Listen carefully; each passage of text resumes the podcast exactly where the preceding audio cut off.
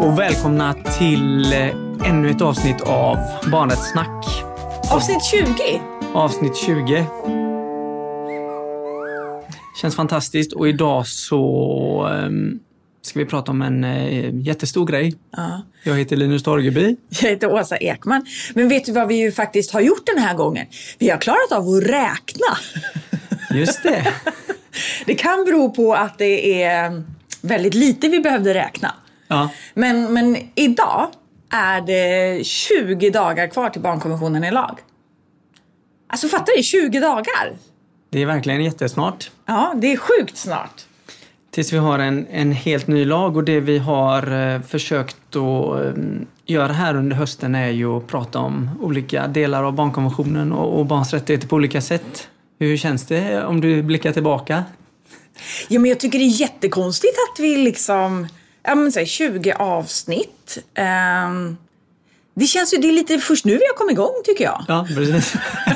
Så det är synd att det ska ta slut liksom. Ja. Men, nej, men det känns ju lite så. Ja. Eller, eller vad säger du? Ja, nej, men det känns eh, jätteroligt att, och, ehm, ha gjort detta så. Vad heter det? mm, Idag ska vi eh, prata om ett lite brett ämne på något sätt. Ja. Vad är det?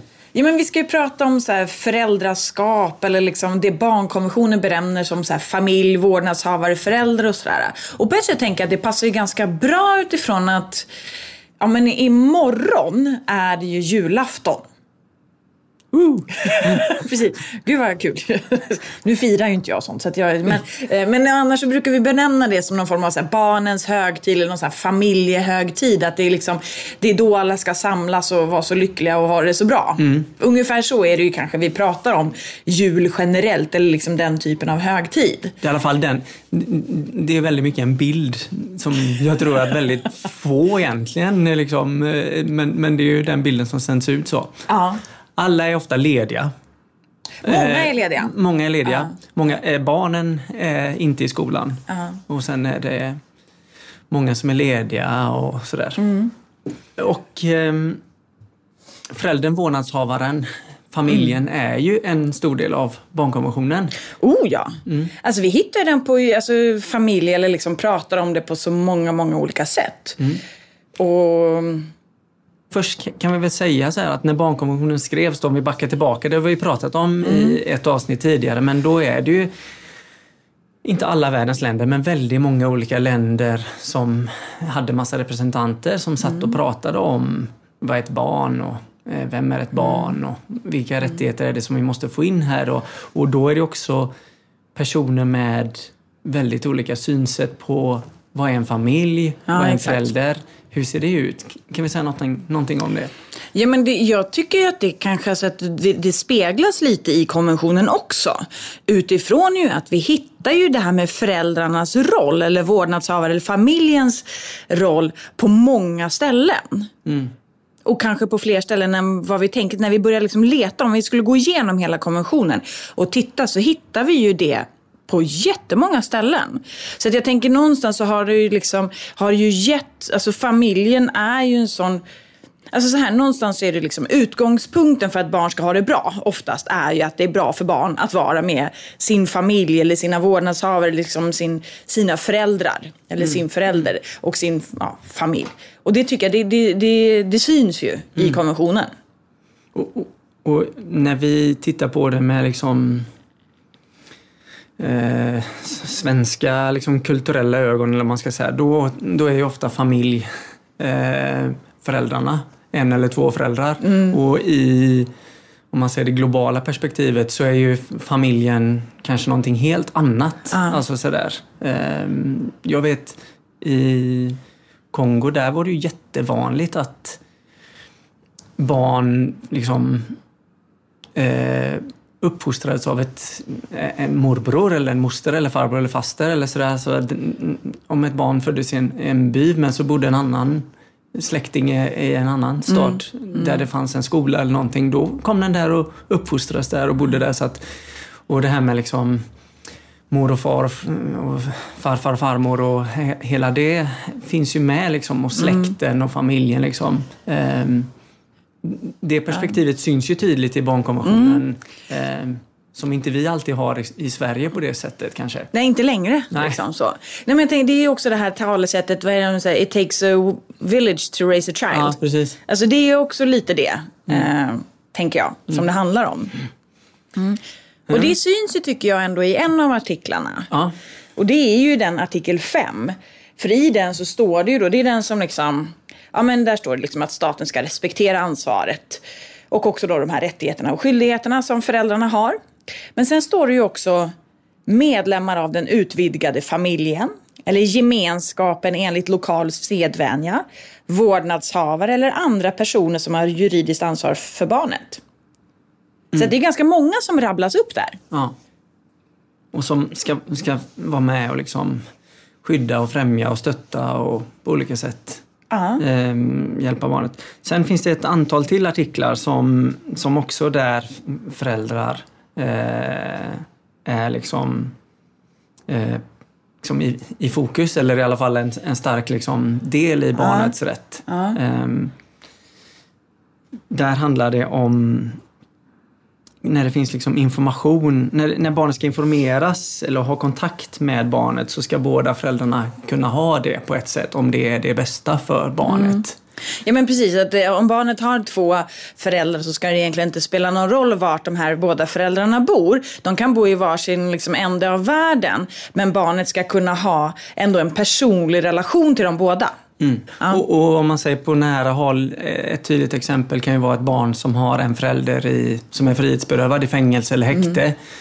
Utifrån vad barnet själv vill eh, och, och behöver så ska det ändå myndigheter och andra liksom underlätta kontakt med den precis. föräldern då. Eh, det är ju ett annat exempel då. Exakt. Och det är artikel 9 vi snackar om där va? Och sen finns artikel 10 som handlar om familjeåterförening. Och där handlar det ju om när ett barn skiljs eller befinner sig i ett annat land då, eller har sökt asyl så ska staterna underlätta familjeåterförening då. Eh, Och det har ju Sverige inte varit så bra på. Kan Nej. man väl lugnt säga. Utan där har ju Sverige begränsat den möjligheten istället. Ja, och, och liksom satt en massa krav då på att ehm, en förälder ska kunna bevisa en hel del massa saker innan man får vara tillsammans med sitt barn. Eller eh, barnet ska bevisa massa saker för att föräldern ska kunna återförenas med sitt barn.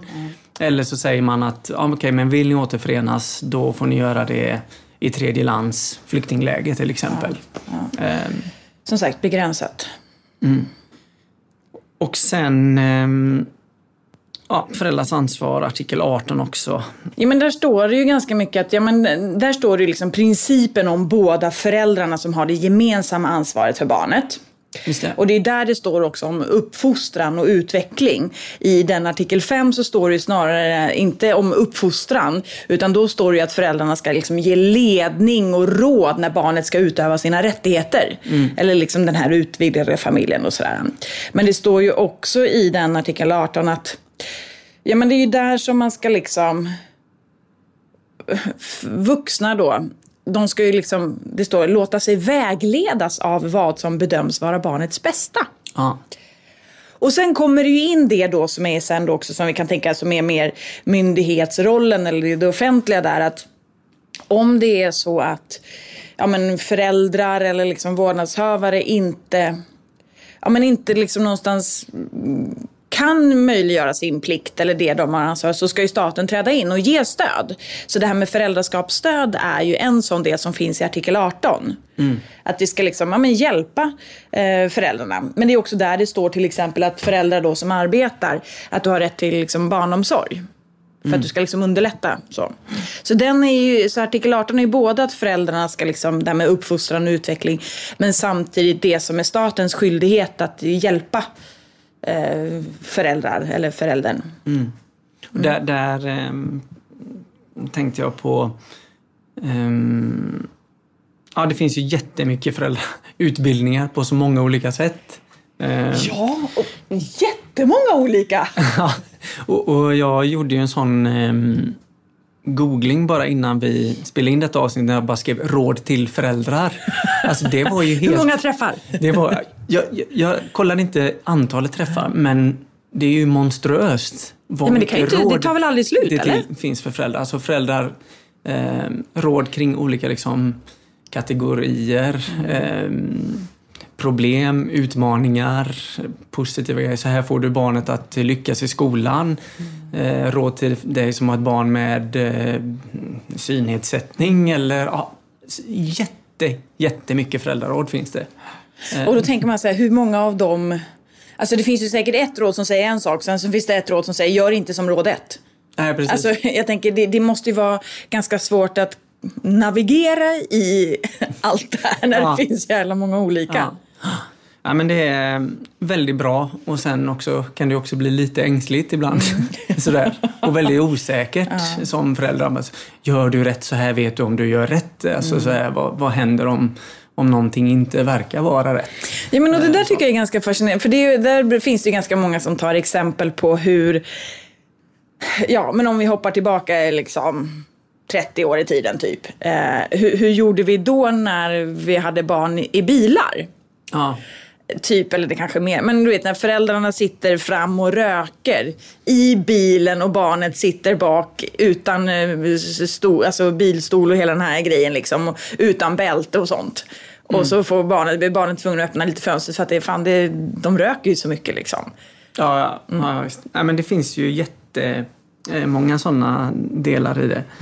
Ehm, och sen har vi den artikeln som vi pratade om i ett helt eget avsnitt, artikel 19 med våld. För att där är ju också fokus på våld i hemmet en hel del. Så, Ehm, s- så att man på något sätt också har sett att ja, men det, det sker våld i hemmet. och det vet vi ju liksom. Och, och det är föräldrar. Ehm, så. Och sen har vi eh, artikel 20 med avsaknad av familj om man inte har en familj. Ja men precis, en- precis. Om barnet inte, om, om barnet till exempel har en familj men inte, att det är inte är bra för barnet att vara kvar. Liksom. Så, då ska staten lösa det. Stöd och skydd för barnet. Mm. Och sen har vi adoption som en artikel. Som, det är också en helt egen artikel, Ja. artikel 21. Eh, där det står en hel del saker. Eh, Ja, och där är det liksom, det ska hela tiden handla om barnets bästa. Alltså det, och där är det ju också lite, tycker alltså i den är det ganska mycket så här kravställa, alltså Adoption är inte någonting som ska genomföras lättvindigt. Utan det är ju ganska många grejer som, som staten ska behöva göra. Liksom. Ja. Eh, och där just barnets bästa ska hela tiden vara utgångspunkten. Liksom. och sen har vi då eh, artikel 22, barn och familjer som, som söker asyl och som flyr. Där nämner man ju också då stöd och Ja, det. eh, precis. hur, hur det ska gå till lite grann. Men man kan väl säga ändå att, att även om föräldrar nämns väldigt ofta och i väldigt många artiklar så är det ju ändå inte en som någon som, som eh, ska ha makt över barnet, eller vad ska Nej, man säga? nej, verkligen Eh, inte. Det perspektivet finns ju inte, Nej. Mm. även om föräldrar ofta nämns eh, eller motsvarande.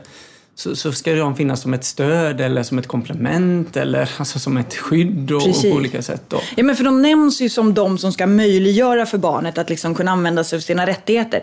Det står ju oftast liksom att, ja men som det står då i artikel 5, att, att de ska mm, Ja, men lite så här, ge lämplig ledning och råd när barnet utövar de rättigheterna som finns i konventionen. Ja. Det är, alltså, så det är ju hela tiden en utgångspunkt i barnet och där tänker jag, då kan vi liksom det finns ju fler artiklar då också. Till exempel att om vi tar artikel 7 utifrån att barn ska registreras och sådär och ha rätt till ett namn. Men där står det ju också att barnet har ju rätt att veta så långt det är möjligt vilka ens föräldrar eller, föräldrar, eller vilken förälder som är just ens förälder. Så att det är ju återigen, där är det ju också utgångspunkt i barnet även om föräldrar ges en ganska stor ja, men stor plats i konventionen. Ja. Ja, här, här kan man ju prata jättemycket om föräldrasyn också. Alltså vi hade ett avsnitt där vi pratade om barnsyn och föräldrasyn är ju också en del i, i, i det här på något sätt. För att ehm, Jag har tänkt på det när vi är ute och utbildar och du är ute och utbildar. Vi, det är ju ganska sällan vi har utbildningar för föräldrar om Mm, barnkonventionen. Alltså du som är förälder kom på barnkonventionen. Däremot utbildar vi ju jättemycket människor som är föräldrar men då som är på en utbildning i form av De är där i, som tjänstepersoner. Som tjänsteperson ja. eller som politiker ja. eller som på något sätt någon som jobbar på en eh, förskola eller Exakt. en simhall eller vad det nu är. Mm. Mm. Vad tänker du kring det? Ja, men jag tycker det är ganska fascinerande. Och det, det slog mig bara liksom också så här häromdagen.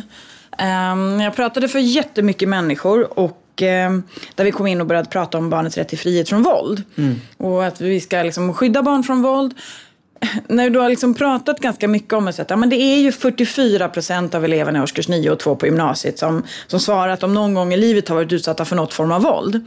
Om det är ju nästan hälften.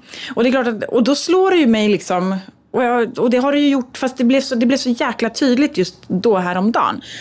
När jag liksom står och pratar för alla de här vuxna människorna om det är för, nästan hälften av barnen som varit utsatta för våld och väldigt många av de som satt där är föräldrar. Mm. Det är klart att de utsätter barnen för våld. Mm. Men där i den rollen som jag har liksom när jag är där så har jag fått uppdraget att prata utifrån deras roll som tjänsteperson, som typ fritidsledare eller som förtroendevald eller som eller som liksom, ja, men, viktig vuxen. Så jag tilltalar ju dem i det utifrån det uppdraget jag har fått, nämligen att tilltala dem så att de måste göra anmälningar till socialtjänsten när de känner oro för ett barn.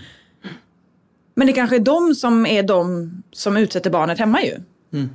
Ja, det blir så, du vet, jag bara kände så här, hur fan ska jag hantera det här? Liksom? Ja. Så vill man ju, ja. ja. ja och där tänkte jag, apropå det med anmälningar så, så kom det ju siffror från Socialstyrelsen nu om orosanmälningar. Mm -hmm. Och då är det ju också Eh, när man tittar på yngre barnen så ser man ju att de flesta, det handlar ju om våld i hemmet men det finns ju också föräldrar som också själva gör en orosanmälan över sin livssituation. Mm, alltså så. Mm. Um, och, och de siffrorna går upp också jättemycket kring liksom, eh, eller går upp kring orosanmälningar har man sett och att det finns en trend då.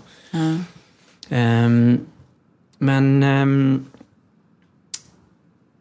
apropå det här med våld och, och då kan det bli en situation där barnet eh, inte längre kan bo hemma.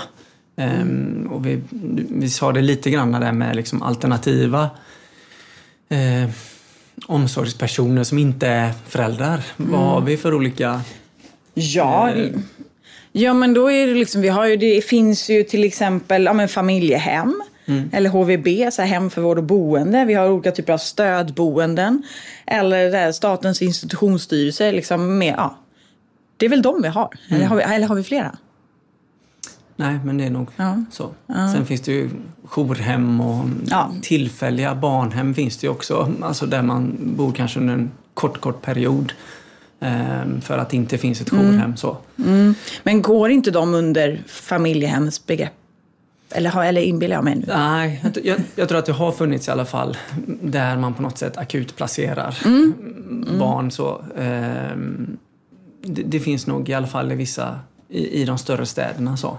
Mm. Eh, men, eh, och sen finns det ju liksom roller då som ska liksom motsvara föräldrarollen. Då. Alltså god man har ju ja. gjort som en del kring barn som är kommit ensamma till Sverige. Sådär. Men mm. det kan ju vara då att barn placeras i familjehem till exempel då, och samtidigt så finns det en förälder eller två någonstans som fortfarande är biologiska liksom, mm. föräldrar och som kan ha vårdnadshavare. Det beror ju på vilken placeringsform det handlar om då. Om det är en frivillig placering eller en LVU-placering. Så, så liksom mm. blir Föräldraskapet ja. blir också överförflyttat och makten är ju, om man nu ska säga makt, så kan ju den vara fördelad på olika ställen olika mycket. Så. Exakt. Ja, och jag tänker, och det här det blir också, här blir det ju väldigt komplexa situationer. För att å ena sidan så, um, så är ju någonstans utgångspunkten egentligen i allt är ju att om man liksom ska se, så är ju ut, vi har en föreställning och en utgångspunkt i att det är alltid det bästa för barnet att vara hos sin ursprungsfamilj eller liksom vårdnadshavarna eller liksom, mm, mm. Ja, föräldern eller föräldern. Det är liksom där som är det bästa. Det är, liksom, det är den utgångspunkten vi har. Ja. Sen finns det omständigheter som gör att nej men nu var det inte bra för barnet att vara där. Då behöver barnet vara någon annanstans. Men då är ju oftast alltså, tanken att barnet ska komma tillbaka. Mm. Det är ofta så att jag menar, familjehem är ju ingen liksom, permanent lösning. Utan det är ju för att ja, men tillfälligt nu så funkade inte det där men vi ska försöka möjliggöra för barnet att komma tillbaka. Och det kan ju vara både jättebra och jättedåligt. Mm. Så det är ju en väldigt, väldigt komplex situation. Ja, och, och, och där tänker jag, jag var inne och läste på BUPs, BUPs hemsida. Och där Barn och ungdomspsykiatri. Ja, precis. Mm. Och där är det barn som har skrivit in om sitt liv då och har frågor eller ja, söker efter råd och så. Och där tycker jag man ser, där finns det ju barn som bor i familjehem som säger jag, jag har det inte bra här eller jag, jag vill verkligen eh, jag vill träffa mina föräldrar eller min förälder mer. Mm. Eh, och sen finns det också barn som bor i familjehem och, och trivs jättebra där. men ändå tvingas, om man nu säger mm. så, kan inte med att inte träffa sin förälder eller föräldrar och inte vill det. Så att det är ju ja. verkligen jätte... Och det, och det är ju det här det kommer, de, de här... Socialtjänsten blir ju en jätteviktig eh, aktör för de här barnen. Exakt. Att liksom stötta då föräldrar, familjehem eller olika personer Mm. Och framförallt då barnet och lyssna in barnet och ha tät kontakt med barnet för att kunna läsa liksom hur upplever barnet sin situation. Mm. Så. Men det är ju samtidigt här tycker jag, det, det är det här det ställs på sin spets. Mm. För det är ju här det blir så tydligt liksom någonstans, exempelvis att barnet vill vara kvar hos, eh, i familjehemmet. Men det vill inte vårdnadshavarna. Ja. Alltså, och, och det är där det blir den här föräldrarätten kontra barnrätten. Och det är väl det som väldigt många hoppas på nu med barnkonventionen som lag. Att, eh, det är ju liksom inte föräldrarna som har rätt till sina barn, det är barnet som har rätt till sina föräldrar. Mm. Och, men, men det är ju det som också, tänker jag, det kritiseras så himla mycket. Och det grundar sig... Ska, ska vi säga någonting om föräldrabalken i och med det kanske? Ja, precis. Ja, för någonstans så är det ju så att Alltså, föräldrabalken är ju nu, nu, när vi inte är jurister, då får vi säga sådana här saker. Då får vi säga att det är en ganska stolpig grej. Ja, ja men visst är det det? Ja, ja, ja. ja. Alltså googla föräldrabalken. Nej, men jag tyckte det var intressant det som du sa också, det här med att i, i många andra länder så heter det liksom familjebalken. Exakt. Och, och här mm. heter det föräldrabalken. Och, och, och, det är klart att den kopplas, den är ju tätt kopplad till um, barnkonventionen på ett sätt mm. för att det står mycket om barnet och sådär. Men det är ändå föräldrarna som är utgångspunkt. Ja. Men, men och på vissa andra ställen så heter den ju barnabalken typ, eller, ja. eller liksom motsvarande. Ja. Eh, kanske. Men det är just det att det är föräldrar. Och det tänker jag att den här är föräldrabalken kom 1949. Mm. Så det är ju ett tag sedan. Och då tycker jag att det, det vi ska liksom komma ihåg i sådana här lägen är ju att Alltså lagarna skrivs ju utifrån den tiden som vi liksom lever i. Så när föräldrabalken skrevs, när den kom 49, så är ju den skriven utifrån hur vi såg på barn och föräldrar och liksom familjerollen 49. Eh, och det är liksom förarbetena och det speglar ju liksom hela den diskussionen som var då. Så även om det är så att vi liksom ändrar i lagarna, alltså föräldrabalken, det är klart att den har ändrats och reviderats sedan 49 såklart. Men grundtanken med lagen finns ju fortfarande kvar. Mm. Och det är det som gör att det kan bli lite svårt. Mm. Ibland att föräldrarätten blir så himla stark för att grundtanken med den finns ju kvar. Mm. Och då kan man ju titta på hur vi har sett på ja, men så här föräldrarollen. Alltifrån att ja, men i någon tid då är det så att ja, men staten är den som vet bäst. Sådär. Staten vet, folkhemmet, vi vet hur, hur ni ska uppfostra och göra mera barn. Mata barnen var tredje timme. Även om barnet skriker efter två och en halv timme så nej, nej, det är var tredje timme, gör det, punkt. Så. Och sen så fanns det ju en tid samtidigt när det liksom, liksom blev helt och hållet bara nej, men liksom, ni får inte ta våra barn ifrån oss, ni ska inte komma och säga, ni som stat ska inte säga vad vi, vi känner våra barn bäst. Och så blev det liksom motsatsen där istället liksom. Att det är liksom, ja men vi har rätt som föräldrar och sen så har vi liksom barnets rättigheter nu. Men det, barnets rättigheter nu synkar ju kanske inte riktigt med när föräldrabalken skrevs. Nej. Nej. Och föräldrabalken tar upp massa grejer som nej, men tar upp massa grejer som liksom bestämma, vad heter det, definier, eller bestämma föräldraskapet, alltså faderskaps, faderskaps ja. eh, gla, och sen också kring vårdnadstvister och mm.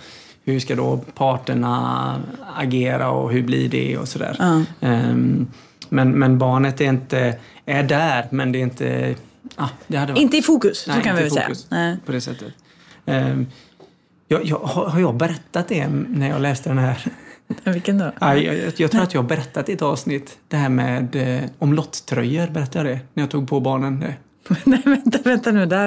Alltså, jag har ju så jävla dåligt minne, så där vet inte jag om du har berättat. Nej, nej, men, Ja, men kör det. Kör nej, men jag, jag fick ju...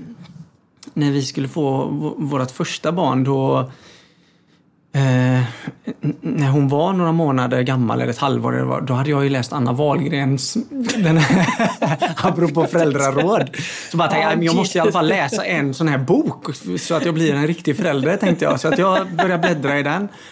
Och där stod det ju det här om att eh, eh, man ska absolut inte ta på barnet eh, vad heter det? tröjor och t-shirtar.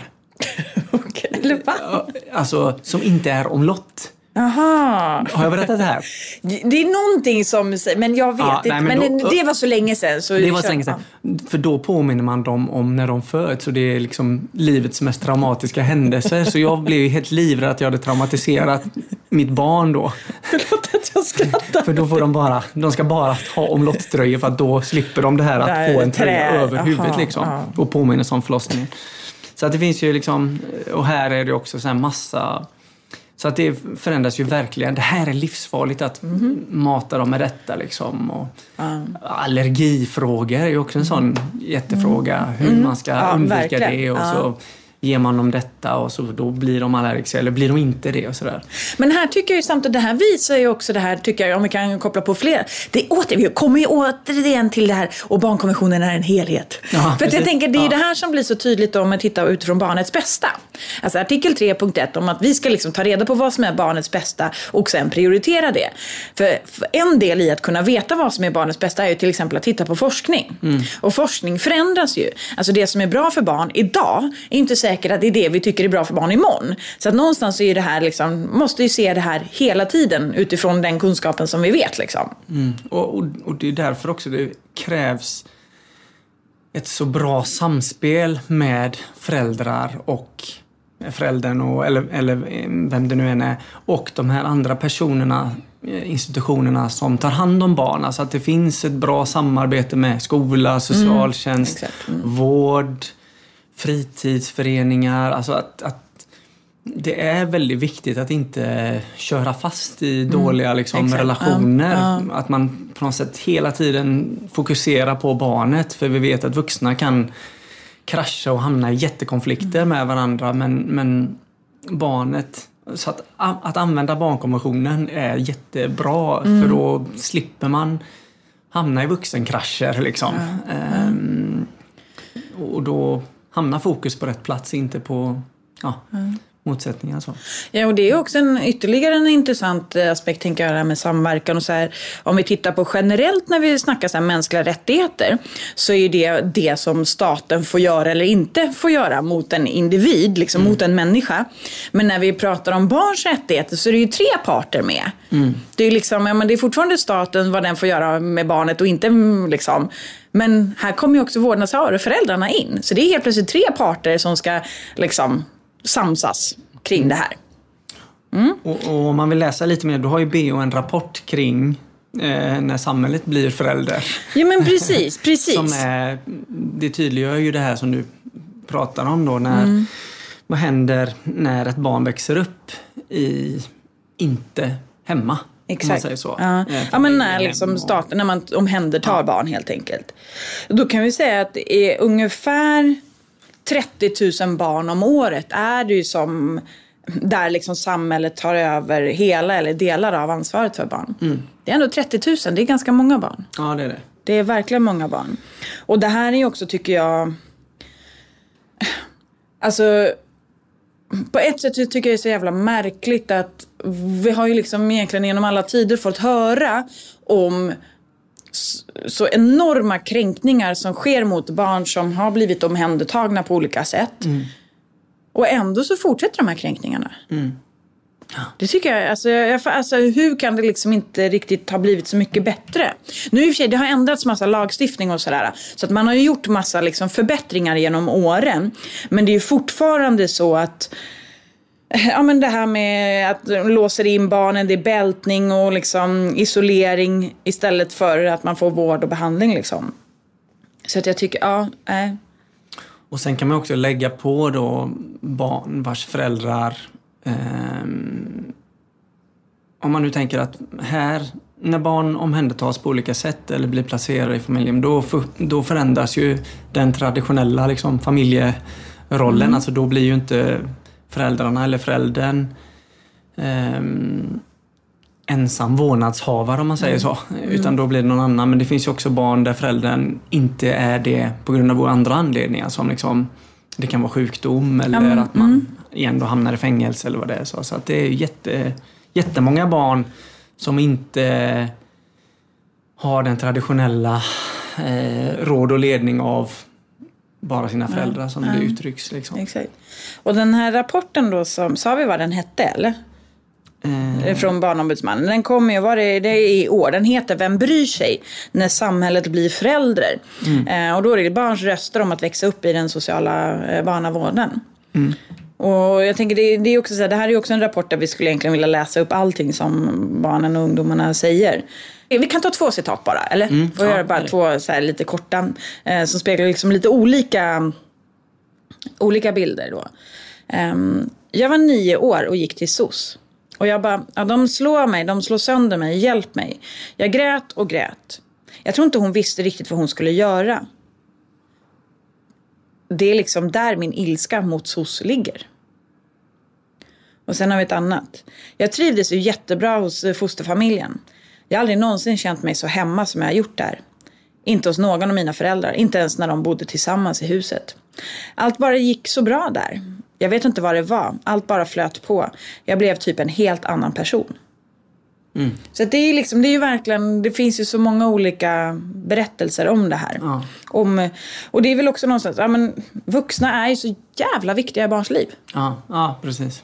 Det är ju det. Vuxna är ju faktiskt förutsättningen för att barn ska få sina rättigheter. Mm. Och kunna använda sig av dem. Jag vet ju att du eh, älskar Astrid Lindgren. Ja, men nu har jag inte, jag, nu blir jag så nervös för nu har jag inte läst ja. någonting om henne på så jävla länge. Nej, och, och, i Astrid Lindgren så finns det ju, i hennes berättelse så finns det ju många vuxna som är jätteviktiga mm. för barn. Det är ju ofta barnet som är liksom i totalfokus, men det är ju både föräldrar men också andra personer som liksom kliver in i mm. barns liv och är jätteviktiga. Mm. Så jag har tänkt så här, nu ska jag härma ett antal av dem, göra citat och så ska du säga försöker jag komma på, vem är detta? Oh, precis, det är bara att jag har ju inte lagt så mycket fokus vid de vuxna. Nej, precis. Det är det som är, ja, det är, det, det är, det är därför som jag mår så jävla dåligt. Inte, några av de här som jag har valt ut är ju då föräldrar. Ja, eh, och ja. andra är inte det då. Så här kommer, här kommer den första. Är du beredd? Ja. Nej. Jag kommer göra en ljudeffekt också. Oh, till denna. Ja, precis. Ja. För, för, den är i, i det här då, scenariot. Jag har inget barn. Jag har inget barn! Jo, men det, äh, det är Ronja. Jag har inget barn! Jag har inget barn!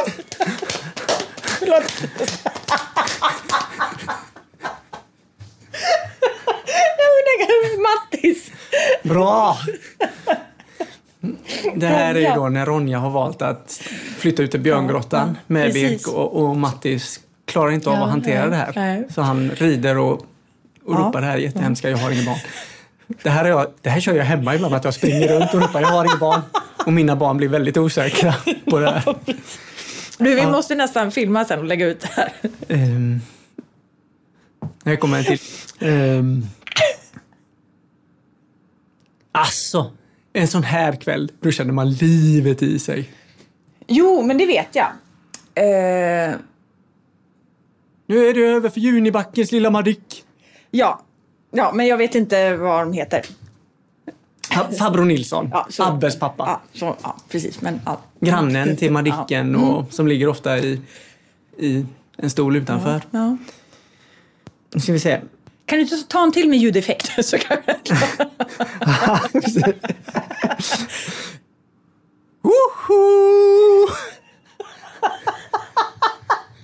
Ska jag veta vad det är? Det... Hoho. Nu kommer jag och ska hjälpa dig! jag, jag, jag kommer inte på något exakt citat här. nej, vad fan ska det vara? Pippi! Det är typ såhär Prussiluskan. Ja, typ. Prussiluskan. Ja, precis. Bra. Eh, här kommer en till då. Men roligt ändå att du trodde att jag skulle ta det på hoho. Ja, det var, nej, men jag, jag, jag, jag, jag kommer inte på exakt vad hon säger. Usch, jag känner en sån olust så fort jag kommer nära en vedbacke. Vedbacke? Ja, Vad är en vedbacke? Förlåt. där det är en massa ved som man ska hugga. Ja, men då tänker, då tänker jag på Emil någonting. Ja, det är, du är i rätt Ja, trakt ja, här. ja, precis. Tänk jag drömde i natt att Jo, men, jag ja. hade en katt och han åt bara sill och potäter. Du får Ja, men är det typ Emils pappa eller han den andra? Det är Emils pappa, han som spelar Emils pappa. Ja, Men det är Oscar i Rasmus på luffen. Ja, men för fan, det är det som är så sjukt. Ja. Ja, för jag tänkte först säga Rasmus, på, men sen så... Ja, mm. Shit, det är ju alla Nedvall, alla. ja, men det kanske räcker så. ja, ja, jag känner... eh, Jag kunde en i alla fall direkt. Ja. Det känns ju bra. Ja, bra jobbat. Eh, Men då tackar vi för att ni har varit med oss i det här liksom väldigt breda avsnittet Mm. Exakt, kring ja. eh, föräldrar och vårdnadshavare och andra viktiga personer vuxna. kring barns liv. Ja. Sen har vi typ ett avsnitt kvar. Det stora bombavsnittet där vi liksom tar barnkonventionen i mål. Ja, vi kan ju försöka i alla fall. Okej. Ja, nio dagar kvar. Ja. Ha det så bra där ute. Lycka till alla föräldrar. Vi har stenkoll på er.